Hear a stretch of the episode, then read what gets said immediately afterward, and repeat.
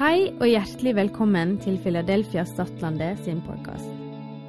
Ønsker du å vite mer om oss, kan du gå inn på filadelfiastat.no.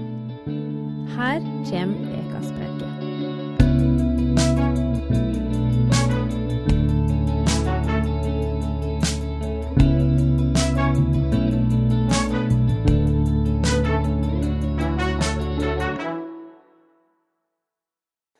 Herlig. Ehm, de som ikke kjenner meg, jeg heter Lars. Eh, de fleste som sitter her, kjenner meg, tror jeg. Men ehm, jeg har vært gift i ti år, og jeg lever fortsatt. Eh, det ser sånn ut, i alle fall. Ja, takk. Og dagens tittel for denne preika er et særdeles viktig tema for meg selv. Får vi det opp her? Fra én til ett. Og lurer på hva det betyr. Hva er det jeg skal snakke om i dag? Jo, det er noe som vi i lederskapet har snakka om lenge. Og det skal på dagsorden, og det er viktig å løfte det fram. Hurra til dere. Dere står og heier, det er bra. Og det handler om ekteskapet. Eh, og samliv. Eh, og jeg håper at i løpet av de neste månedene at vi også kan få til mer eh, opplegg i forbindelse med, med om man er singel, har samliv, ekteskap Hele den pakka der, at en kan ha litt eh, undervisning på det, at en kan ha litt opplegg på det. Men for nå så får det være en liten introduksjon til litt av mine refleksjoner rundt eh, kristen tro og ekteskap. Og så er det ikke sånn at jeg prøver her å si at eh, ekteskapet det er eneste veien til himmelen, for det er det ikke. Det er sånn at Til og med Paulus han sier sjøl at han skulle ønske at flere gjorde som han. Og levde i sølibat som singel. Og eh, det å ha respekt og aksept for ulike menneskers måte å leve på er viktig. Så når vi snakker om ekteskap ut fra et bibelsk ståsted, så må vi også prøve å fortolke det ut ifra Bibelen og hvem det er retta mot. Eh, og vi lever i et sekulært samfunn med veldig mange samlivsformer. Og når vi som kristne står i møte med andre mennesker som ikke tror, og som ikke følger mitt ståsted eller mitt livssyn, så må vi prøve å tenke vet du hva, det er helt uproblematisk for meg å leve rundt mennesker som ikke tenker, tror eller mener det samme som meg. Det er sånn vi må bygge et samfunn og livet med folk rundt oss. Hvis ikke vi kan omgås naboer fordi de tenker annerledes enn meg selv, da kan vi ikke omgås naboer i det hele tatt. Og vi kan heller ikke påkoste oss å si at vi elsker hverandre. Så en naturlig del av det å være naboer og bo i et samfunn, det er å forholde seg til mennesker som tenker, tror og mener annerledes, men uten at det går på bekostning av ens egen integritet eller ens egen måte å leve på. Så det må være rom for å være tydelig og holde ytringsfriheten høy. Det skal vi flagge ut. Dette er viktig. Det er viktig å kunne snakke om det vi tror på, og det vi mener er sant uten at en skal harselere eller tråkke ned på andres eh, premiss eller andres verdighet. Så eh, i dag så er det ca. Eh, eller ekteskapet er det vanligste samlivsformen i Norge i dag. Og nest etter det kommer samboerskap.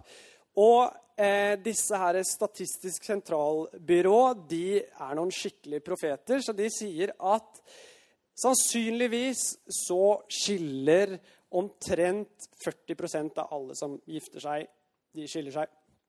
Og for meg så høres det ganske kjipt ut. Hvis en tenker at en skal gå inn i et ekteskap, så er det omtrent 50-50% om dette går veien eller ikke. Så la oss be og håpe om at de tar feil i mitt og ditt sitt liv. Eh, men når det er sagt, så baserer det seg jo på de faktiske, reelle tallene i samfunnet som vi er en del av. Og det at folk opplever samlivsbrudd, det er ikke uten grunn, og det er ikke noe vi skal ta lett på. Og det er mange mennesker som lider i samliv, i ekteskap. Og vi går alle mennesker gjennom livsfaser som tar oss, eh, tar oss gjennom livet på godt og vondt. Og folk står i alvorlige og vanskelige dilemmaer og skviser i livet. Og, og det å ikke ha, ha orda og alfabetet framme, men hjertet i møte med andre mennesker er veldig viktig. Så når vi snakker om ting som Bibelen sier, f.eks. 'dette er rett og dette er galt', så er det fra Guds side det er dette som er rett eller galt. Og det firer vi ikke med. Men i møte med mennesker som har det vanskelig, så er det ikke alltid bokstaven som taler mest, men kanskje holdninga fra hjertet ditt. At du søker å forstå og møte en person selv om du ikke mener at det en person gjør, er rett i den forstand. Så jeg tror vi skal klare som medmennesker i et samfunn klare å leve godt med at vi ikke er enige i alle måter ting gjøres på, men fortsatt ha et hjertebank og et hjertesukk som en kan ytre til de en er glad i, naboer, venner som ikke deler samme tro også. Eh, og jeg tror en fellesnevner for alle som går inn i et samliv eller samboerskap eller ekteskap, er en intensjon om at han ønsker å leve sammen og leve godt sammen. Og de færreste ofrer veldig veldig mye i den sammenheng uten å tenke at det skal være varig. Yes. Så det som kanskje er litt problematisk, det er når veldig mange mennesker velger å gå fra hverandre, så blir det også mange brudd, og det blir mange sår. Og jeg tror at det Bibelen prøver å si med at et ekteskap er tenkt for livet ut, det er å verne samfunn, venner, bekjente, barn og seg selv mot dype, vanskelig, traumatiserende sår som skjer ved at en går fra hverandre. Eh, så det tror jeg er intensjonen med det som Bibelen forkynner, at det er til det beste for deg. Retningslinjene som vi har i Bibelen, på alle mulige vis, er til det beste for deg. Det er tenkt til det beste for deg, og fordi Gud sier det er rett det er to ting. Er, loven er på en måte ment for at vi som sammen, som fellesskap, skal leve godt sammen. Og så er det ment for å guide om hva som faktisk er rett. Yes. Og jeg mener også at ekteskapet som en samfunnsinstitusjon er den viktigste enkeltformen for å stabilisere en kultur. Med det så mener jeg at på Ikke med bakgrunn bare i min tro som kristen, som, som en etterfølger av Jesus, men som på bakgrunn av det en ser i samfunnet generelt, så er det sånn at den naturlige måten eh, å å stabilisere et samfunn på er gjennom at en mann og en kvinne som eh, får familie, at de binder seg til hverandre med en pakt som er uløselig for å, for, for å skape trygghet for begge. Eh, og den ordninga er så godt utprøvd som noen annen samfunnsinstitusjon vi kjenner i dag. Og på tvers av kulturer og livssyn så finner vi ekteskapet i en ganske, ganske lik form og ordning eh, på alle kjente kulturer som jeg har fått greie på. Jeg har aldri hørt noe annet. Det i seg selv taler for at ekteskapet det er en menneskelig og kulturelt utprøvd ordning som viser seg å bestå i årtusener. Så når en snakker om ekteskap i dag, så tenker jeg ekteskap det tror jeg vi med god, god trygghet det kan vi stå ganske hardt på uten å, å måtte egentlig eh, lure på det sånn veldig mye. Ja.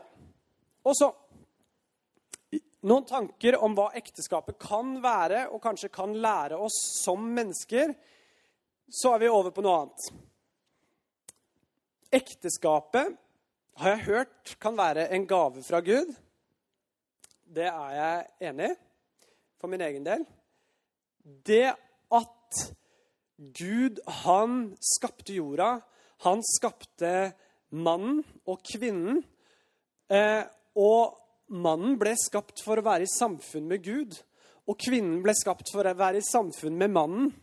Og de to var skapt for å være i samfunn med Gud også. Det er hele, det er hele formålet med vår eksistens, er å være i samfunn med Gud og med hverandre. Og ekteskapet binder disse tinga sammen. Og Når Bibelen snakker om ekteskapet, så, så snakker den om ekteskapet mellom mann og kvinne. Og så bruker den bildet på at, at, at Jesus og menigheten er et ekteskap. Så Bibelen tar ikke lett på dette med ekteskap og sier at det går fint, det går greit, ikke noe stress. Her er det bare å tute og kjøre, gjør som du vil. Sånn. Her er ganske mange føringer og, og, egentlig forbilder på hvordan vi kan lære oss å leve sammen som menneske. Så når du hører dette, og kanskje du ikke er gift, eller kanskje du er gift, kanskje du er skilt, kanskje du er separert, kanskje, kanskje du er ikke, ikke, har begynt å tenke på det engang Kanskje du er eh, enslig, kanskje du er barn, kanskje du er voksen. Uavhengig av det så handler dette om nær, nære relasjoner. Det handler om at Bibelen viser oss hvordan nære relasjoner eh, bør leves, eller kan leves, og at det er en forpliktelse i det. Eh, så jeg tror at ekteskapet er en gave fra Gud. Og så er det en mulighet for å lære kjærlighet. Fordi i et ekteskap så handler det om at du inngår en pakt. Du inngår en skriftlig i Norge i alle fall, en skriftlig avtale, men også en muntlig avtale hvor du, man tar hverandre på hånda, i hånda og lover å ære og elske hverandre inntil døden skiller av i gode og onde dager. Så for de som ikke er biologisk knytta sammen som søsken, f.eks. Søsken de må nesten lære å elske hverandre på tvers av alle mulige ting fordi de bindes sammen av blod. Det er jo tross alt broren min. Det er jo tross alt søstera mi. I, I, en ektepakt så skjer mye av det samme, bare ikke i biologisk forstand sånn, men ved et løfte, ved en, en slags blodspakt, hvor mitt ord er det som nå skal trygge din framtid, i form av at jeg skal ikke gå noe sted. Jeg er din.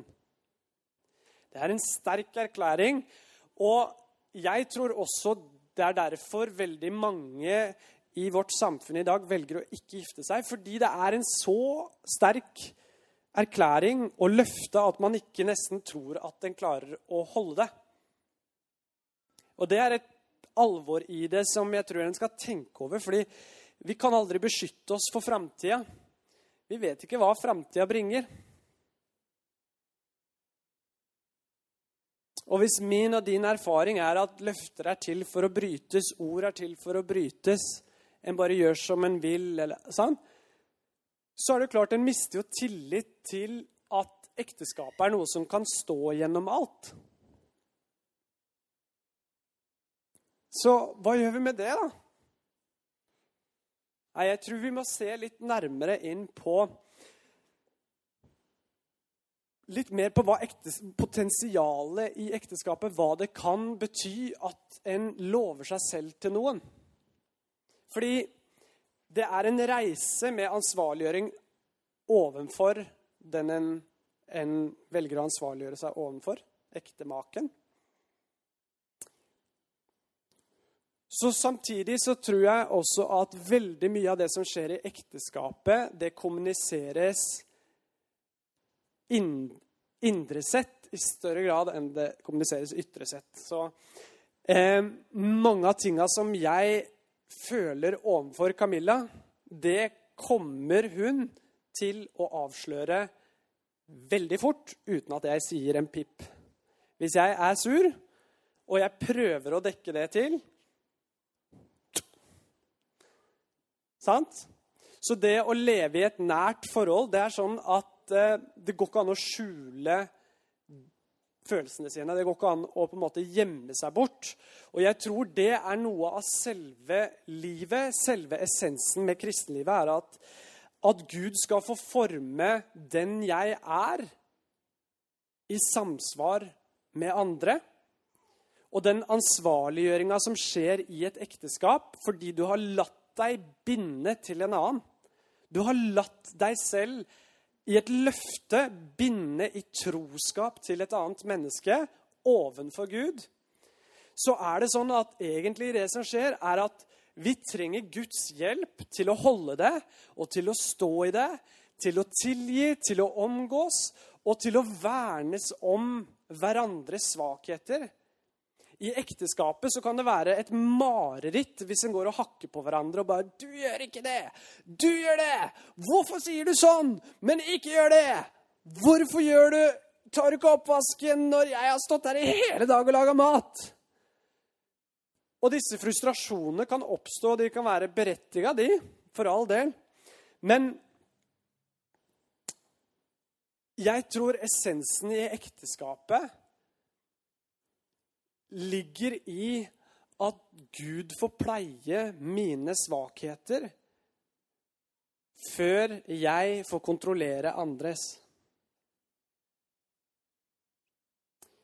Og Det er lettere sagt enn gjort. Og Det handler ikke bare om ekteskap, det handler om nære relasjoner, vennskap, søsken, eh, fedre og mødre og, og relasjoner vi har rundt oss. Men jo nærmere det er, jo vanskeligere er det å ha et distansert forhold til seg selv, og hvordan en sjøl er i et forhold.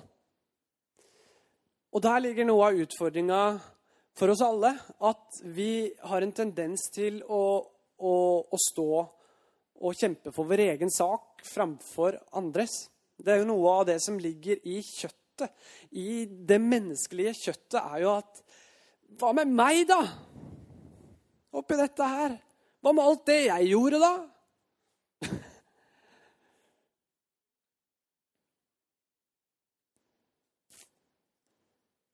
Og det er jo ikke så lett. Det er jo sånn livet er. Og jeg syns ikke vi skal ta lett på det, fordi følelser de skal vi ikke skue under et teppe og så bare pff, Følelser, det, det er bare følelser. Følelser indikerer noe veldig reelt i et menneskeliv. Men jeg tror også at av og til så skal vi kåle ut følelsene, og så skal vi si at du, den, den reaksjonen der, den er ikke bra for deg. Og i et tillitsforhold, i et vennskap eller i et ekteskap der man har tillit til hverandre, så må vi kunne si fra til hverandre at vet du hva, det der, det gjør vi ikke. Men vi gjør ikke det med å negge og hegge og på en måte bryte ned. Vi tar det, vi tar det med ømhet. Sant? Vi tar det med hjertet før en tar det med armen. Så hvis en, en, en kommer litt innpå og sier vet du hva, det greiene der, det tror jeg Det er ikke sånn du er. Det er ikke det Gud sier om livet ditt. Det er ikke sånn vi skal leve, og du vet det.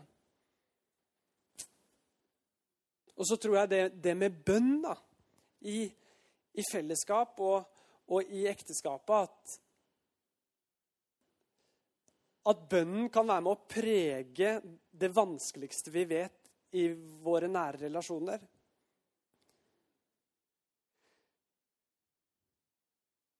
Det at en tar med Gud inn i livet sitt, gjør at en også er sårbar overfor sine egne tanker. Altså, Du kan ikke stå der og fordømme alle andre, og så ber du Gud om å rette opp i dem. Da tror jeg din egen samvittighet vil bare spy av deg rett og slett. Så ideen inkluderer Gud inn i hjertet sitt, så han kan forvandle det som er, er med, er med en sjøl, så blir det lettere å tolerere andres svakhet og feil i nære relasjoner. Det tror jeg. Og, og uten at jeg bare skal si her 'dette tror jeg', og 'sånn tror jeg', så mener jeg oppriktig dypt at det er noe veldig bibelsk riktig ved dette. Og grunnen har egentlig med hele gudsbildet å gjøre. Fordi jeg nevnte innledningsvis at vi er skapt i Guds bilde. Mennesker er skapt i Guds bilde. Det er vår kjerneverdi, vår ukrenkelige verdi som menneske. Og det er en verdi som ingen andre mennesker kan ta fra oss. Og det er også en verdi som ikke din ektemake bør ta fra deg. Vi var, vi var, ment å hedre hverandre og løfte hverandre opp, ikke å bryte ned. Vi var ment til å tilbe Gud, sant? Og så ære hverandre. Ikke å degradere.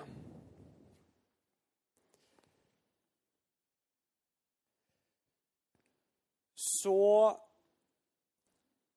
har jeg jo levd da ti år i ekteskapet. Jeg har vel opplevd det meste av eh, synd, skyld og skam som jeg nesten kan tenke at jeg kan kjenne på. Eh, og det å leve i et ekteskap, det er ikke noe dans på roser. Og mye av det tror jeg ligger i at man går fra én til ett. Det er ikke sånn at du går fra én til to. Er det ikke rart? I et samboerskap så tror jeg at en, en nødvendigvis et formelt samboerskap så har man ikke så mye reflektert forhold rundt dette i den formelle inngåelsen av et samboerskap. Fordi den, den, er ikke så formalisert, og den er ikke så kontekstualisert. Men i Bibelen så går man fra én til ett. Du går fra deg til ett med en annen. Og det er vesentlig forskjell å gå fra én til ett og én til to. Fordi to kan jo ha to vidt forskjellige liv, mens ett liv, det er jo ett liv, da. På godt og vondt. Kanskje. Men grunnen til at jeg påpeker det litt, det er jo at det postmoderne mennesket og vår kultur er ute etter selvrealisering. Og vi framelsker selvhevdelse i vår kultur. Det å gjøre karriere på egen hånd og helst aleine, uten hjelp.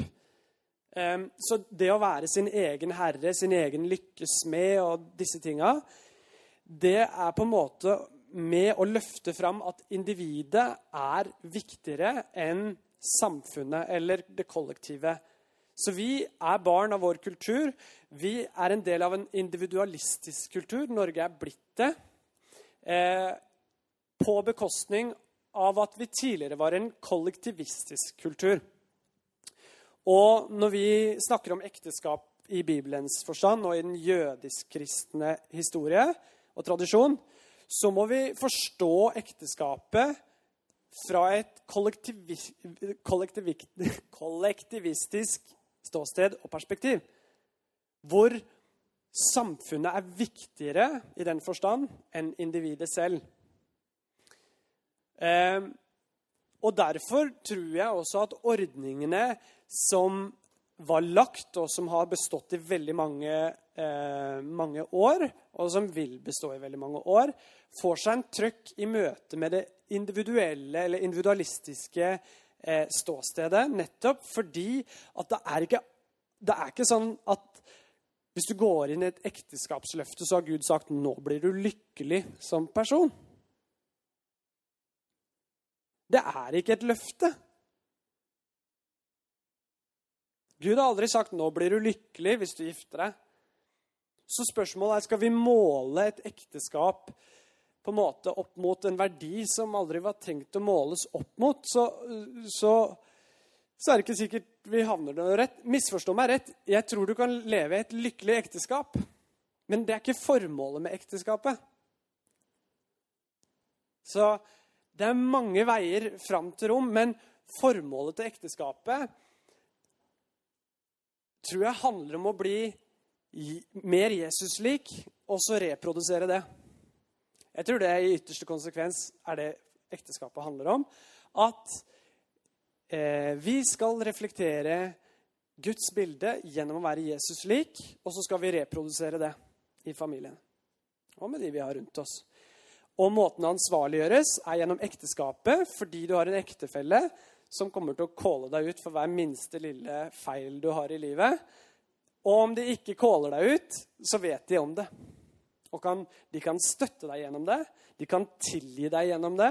De kan bære deg gjennom det. Tenk det, da! Ektefellen kan være den som bærer deg som person gjennom din svakhet, fordi du klarer det ikke sjøl. Og det er ikke sånn at vi er skapt for å dele våre innerste tanker med hele verden på Instagram. Jeg tror ikke alle gjør det. Men du kan ha én person du gjør det, hvor du deler absolutt alle dine følelsesmessige begrensninger er slått av. Det er ingen murer oppe. Fordi det er beskytta av et løfte og en pakt om at det skal ikke brytes. Det du kommer inn med, det blir her. Det blir mellom oss. Og så skal en være trygg og kjenne på at i det ekteskapet så skal det være godt å være til. Det skal være godt å være mann. Det skal være godt å være kvinne, tenker jeg. Optimalt sett. Så da preker jeg mye greier her. Gir noe mening for noen? Takk, Jaylee. Yes, bra. Da var bare, yes, her kommer det tomler opp. Ok. Dette er så viktig for meg, og grunnen til det er at jeg ser at vennskap og folk og familie rundt meg, de sliter. De har det så vondt fordi de står i konflikten mellom selvrealisering og hvem en skulle ønske at den var, fordi samfunnet forteller deg at du skal være fri, du skal gjøre sånn.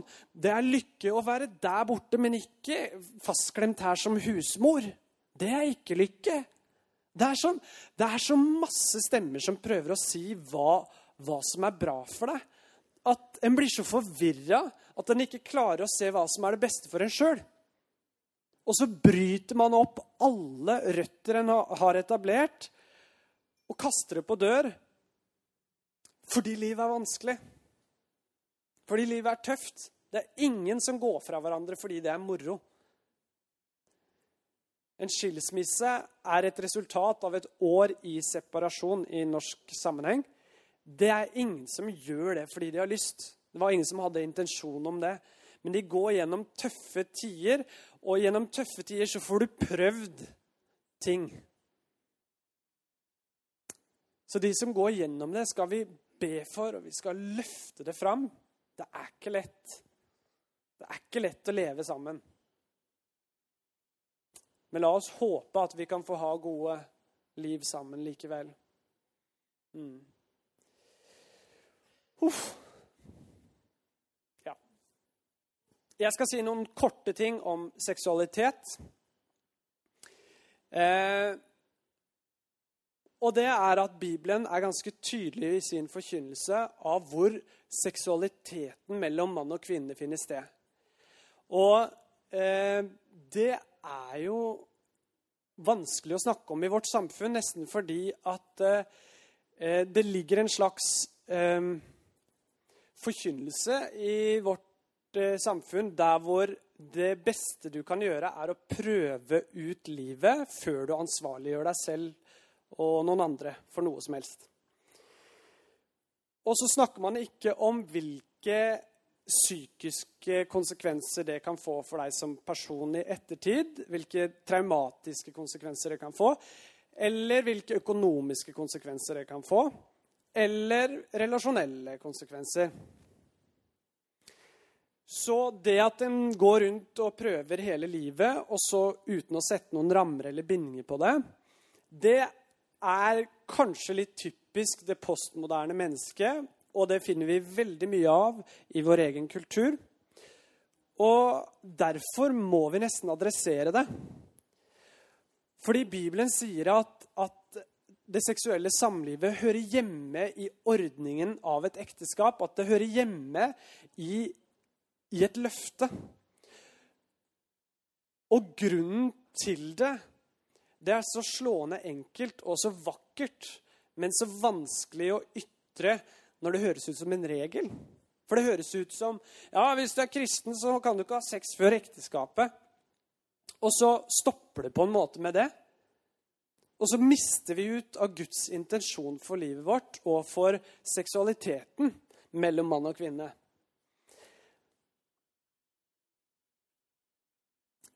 For tanken med det seksuelle er sikkert veldig masse fra Guds side. Ikke aner jeg, men, men det, er, det er veldig intimt. Det er så intimt på det følelsesmessige og det kroppslige planet som det er mulig å gjøre to mennesker. Hvis en går inn i det med hele seg. Og jeg tror det er tenkt med hele seg, med kjærlighet. Og så er det tenkt med tillit og respekt ovenfor den seksuelle partneren. Og når en gjør noe sånt, så er det ikke bare en, en, på en måte noe en gjør, men det er en binding som oppstår også biologisk i det naturlige ved at muligheten for å få barn er der. Så det er en, det er en biologisk binding som skjer, som er ganske sånn heftig. Og så har du alle de sjelelige, på en måte, det at en gir seg hen til noen som er tenkt å være det mest fantastiske i ekteskapet. Og så vil en verne om dette vakre, fantastiske ved å beskytte det i ekteskapet. Og ikke ta det ut og på en måte løsrive det fra altså, liv og lyst og bare gjøre som en liksom føler for nå og da og sånn, men å verne om det fordi det er noe så sårbart og så intimt som var tenkt at det skulle være eksklusivt for deg og din ektemake. Og det skal være vakkert.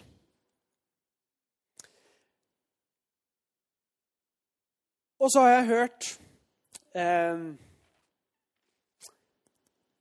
et ektepar som, eh, eller var ei dame som snakka om seksualitet, som sa det at eh, Hun var ei kristen dame, og hun, sa, hun var noen og 70 år, tror jeg. Og hun sa at du, sexen har aldri vært bedre enn nå. og jeg var ungdom, vet du. Jeg jeg var 14 år. Og jeg bare Her står du, 70 år. Jeg kan ikke tenke meg åssen det der er engang. sant? Men hvis en skal gjøre litt alvor av det, så, så kan, Hvis en ser på samfunnet i dag, så er det ingen som sier du, sexen blir bare bedre og bedre med den ene du gjør det med. Hvis du gjør det livet ut. Du hører ikke det noe sted, vet du. Tenk, tenk, å kunne ha det sånn i et ekteskap at vet du hva? Jeg blir bare mer og mer glad i deg, kjære. Og den sexen vi har, den blir bare bedre og bedre. Hva er det for noe? Jeg vil ha det. Jeg vil jo ha et godt liv. Jeg vil jo at ting skal fungere. Tenk at det er mulig, dere. En trenger ikke bare tenke litt kjedelig Altså Vi må ikke bli lurt av at den eneste veien til å ha liksom, et bra seksualliv, det er hvis du bytter kone hvert tiende år. Eller noe sånt. Så jeg tenker fantastisk. Bibelen har noe som er til det beste for meg og til det beste for min familie. Mitt liv. Yes. Så kommer det til eh, Hva er det som skjer når du går fra én til ett? Jo, det er at alle Hele den du er, den blir synlig overfor en annen person. på, på, med alle dine sider. Og jeg tenker at det er kanskje Kanskje så føles det veldig greit for kvinna. Fordi at hun liker å dele alle sine følelser hele tida. Mens for meg så kunne jeg godt eh, holde de følelsene for meg sjøl.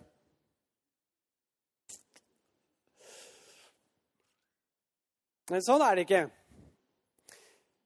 Jeg tror at dette er bra. da. Jeg tror eh, ofte Nå skal ikke jeg generalisere, men ofte så, så, så er mannen og kvinne veldig forskjellige måten å reagere på, og, og hvordan en eh, kommuniserer, og, og, hva en føler på og kanskje ikke føler på.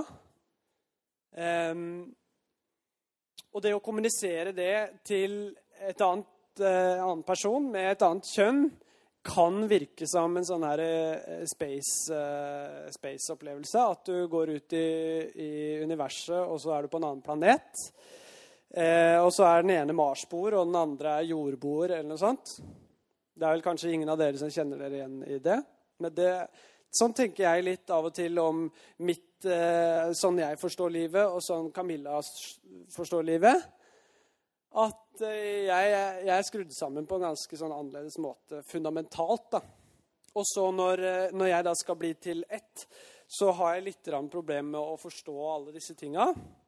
Men jeg tror at eh, jeg har veldig masse å lære av min ektemake. Og gjennom det så kan en tilnærme seg andres følelser og andres måter å tenke på på en litt annen måte. Og eh, det å tenke høyt om andre mennesker, det er essensielt i et samliv, tror jeg. Nettopp fordi det er gjort en vitenskapelig studie, helt reell, som sier noe om hva som knuser kjærligheten i et ekteskap. Og noe av det som tar vekk kjærligheten i et ekteskap eller i et samliv, det er at man prøver å kontrollere den andre istedenfor å tjene den andre. Her fins mange grader av ting. Så Men eh, Jeg kjenner meg veldig igjen at eh, det er veldig mye lettere for meg å se Camilla sine åpenbare svakheter. De bare lyser ut for meg. Mens å se mine egne Det er ikke så greit. Det er jeg ikke så veldig bevisst på. Jeg ser jo ikke at jeg gjør det sjøl engang. Det er jo skylapper på. Og mitt behov da for å bare du, du, kan jo bare endre deg. Du kan jo søren meg gjøre det annerledes. Du trenger jo ikke å øh, så hvis jeg pågriper henne og skulle kontrollere hennes atferdsmønster, så er det den første indikasjonen på at, jeg, at hennes kjærlighet til meg er i ferd med å brytes ned. Det er sånn jeg forstår den studien som er gjort. da. Og jeg tror det har sammenheng med, med, med at kjærligheten, det er frivillig, og det er noe som baseres på, på en slags tillit og respekt eh, i et parforhold. Og at hvis en gang etter gang på en måte bryter ned ved å skulle kontrollere et annet menneske, så, så tappes det. det. Det er veldig belastende. Og så skal en leve i det. En kan helt sikkert klare å leve det livet ut, men det blir ikke så godt. Og jeg tror ikke det er rett.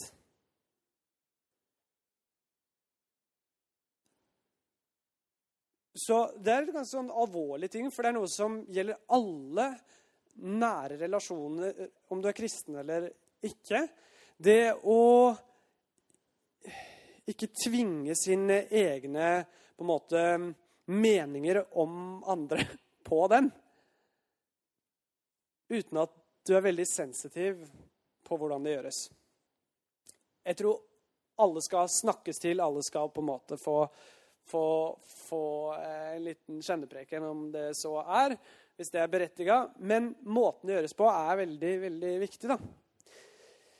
Så står det her da noe som er Dette her er liksom kjernen av hvorfor en kristen person kan få kraft til å leve i et ekteskap. Nå kommer det. Hør! Og det står i Romerne 12,2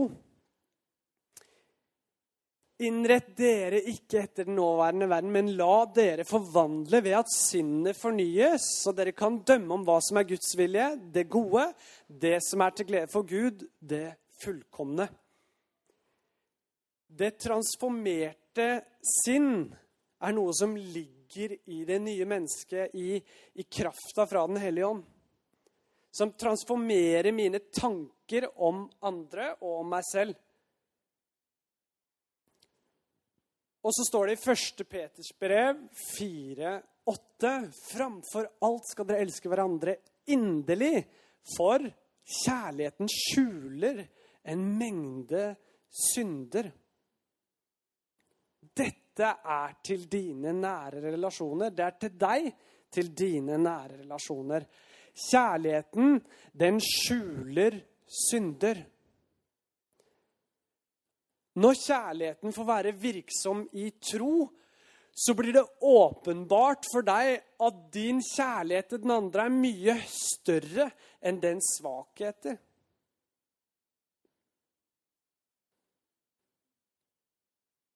Og la det få være over mitt liv, kjære Gud, at At det skal være sånn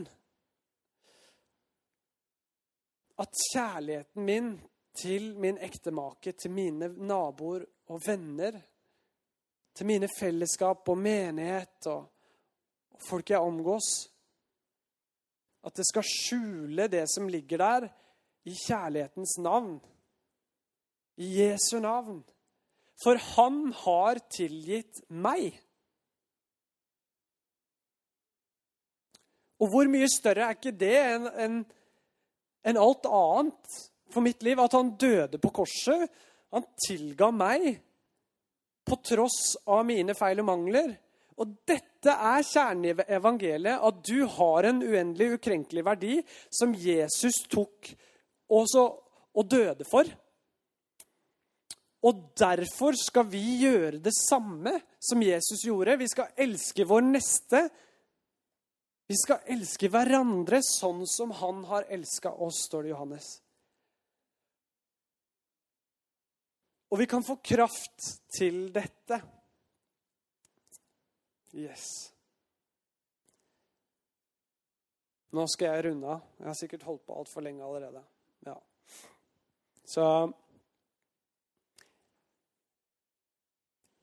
Jeg skal si fem kjerneting som kan oppsummeres veldig greit. Og det har veldig mye med det jeg har sagt. Det er enhet. Vi finner det i Gud. Vi finner det i et ekteskap der det er, der det er ett. Og ekteskapet var ikke tenkt å være for to, men for å være ett. Oi, det var én. Nummer to medfølelse. At det å ha strid med hverandre og spesielt i ekteskapet, det er per definisjon helvete på jord. Jeg kan ikke tenke meg noe verre enn å ha ting som er fælt mellom min ektemake og meg selv.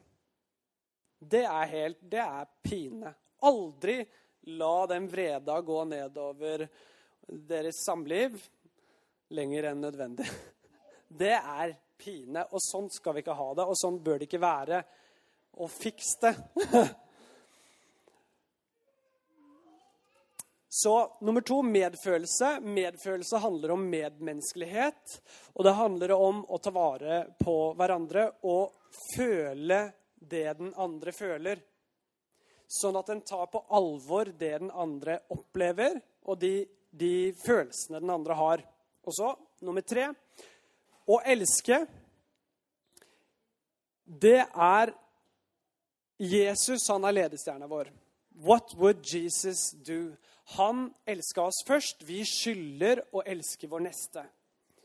Uavhengig av alt. Og nummer fire ømhjerta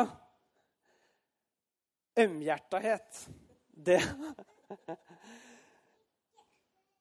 Det å se eh, La godvilja Altså sette godvilja til. Det er liksom en norsk måte å si det, kanskje, men det er noe med det å ikke prøve å,